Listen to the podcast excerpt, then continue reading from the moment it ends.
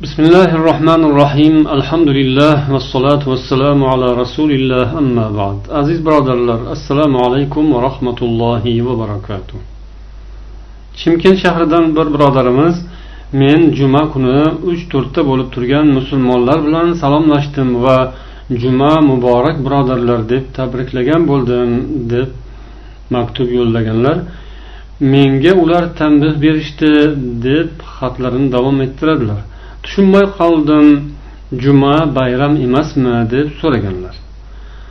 Biz bu masala bo'yicha qadim ulamolarning ham yoki zamonaviy ulamolarning ham fatvolarini ko'zdan kechirdik. Ammo juma masalasida so'zlagan ya'ni juma kuni bir birini tabriklash haqida so'zlagan ulamolarni mm, ko'rmadik yoki juda ham kam. Ba'zi birlarini hisobga olmaganda bunday masala ustida to'xtashmagan.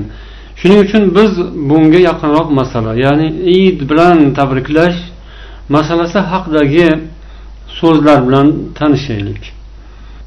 Jumhur ulamolar id bilan tabriklash masalasida joizligini aytishgan.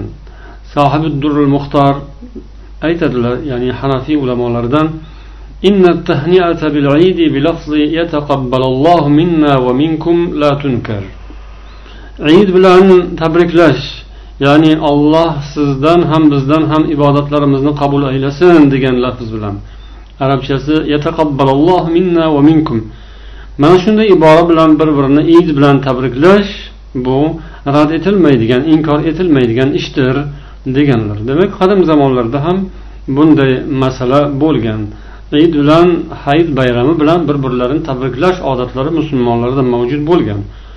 Bu haqda ibn taymiya rahmaullohdan ham so'ralganda ya'ni odamlar ayduka muborak degan lafzni ishlatadilar. Id muborak ya'ni bayram muborak bo'lsin hayit muborak bo'lsin degan so'zlarni aytadilar. Buning hukmi nima deb so'ralganda u kishi javob bergan ekanlar. Amma tahniyatu idza laqiyahu ba'da al-eid minna wa minkum. Ana shunday ibora bilan insonlar bir birlarini tabriklashlari juma kunida. Bunday holat sahobalar roziyallohu anhumdan rivoyat bo'lgan. Bir toifa sahobalar bilan ya'ni ba'zi sahobalardan bir guruh sahobalardan bu narsa rivoyat bo'lgan va imomlar bunga ruxsat berishgan. Lekin imom ahmad ana la abtadiu ahadan deganlar. Men mana shu ibora bilan birinchi bo'lib aytmayman. Hech bir insonni birinchi bo'lib shu ibora bilan tabriklamayman agar biror kishi menga birinchi bo'lib shu so'zni aytadigan bo'lsa men unga albatta javob qilaman deganlar. Chunki tahiyyaga javob berish tabrikka javob berish vojibdir وأما الابتداء بالتهنئة فليس سنة فليس سنة مأمورا بها أما تهنئة tabriklash mana shu id kuni bilan tabriklash bu buyurilgan sunnat emasdir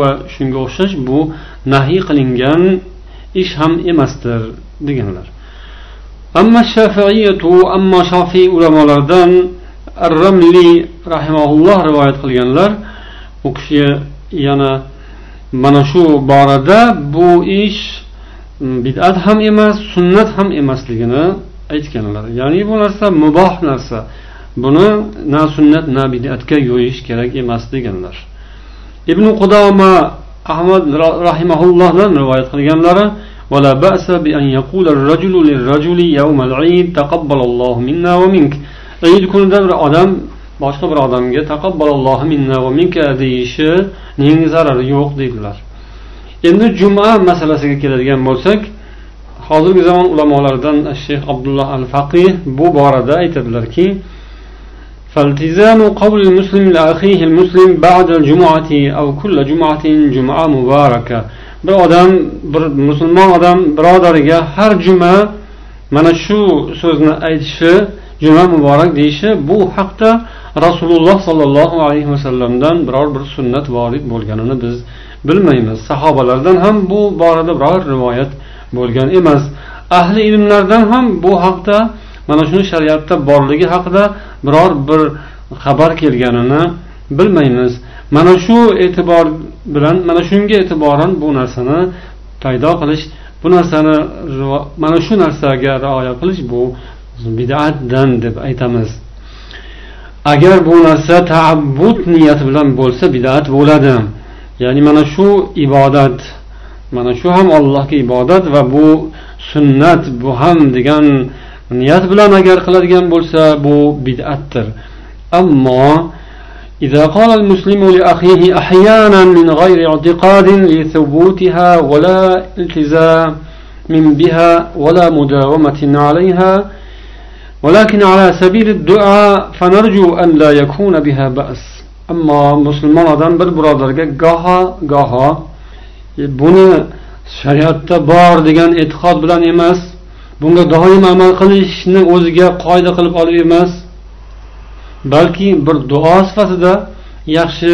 niyat bilan aytsa zarari yo'qdir deydilar ya'ni bu ishni bid'at ekanligini aytgan odam. Doimiy ravishda shunga rioya qilib amal qilib mana shuni odatga kiritish bid'at deb aytganlar va ammo gohi gohida bu narsani aytsa musulmon birodarga duo tarzida ya'ni shu bugungi qilgan ibodatimizni olloh qabul aylasin mana ulug' kun degan ma'noda duo sifatida tilak sifatida aytsa zarari yo'qdir deydilar.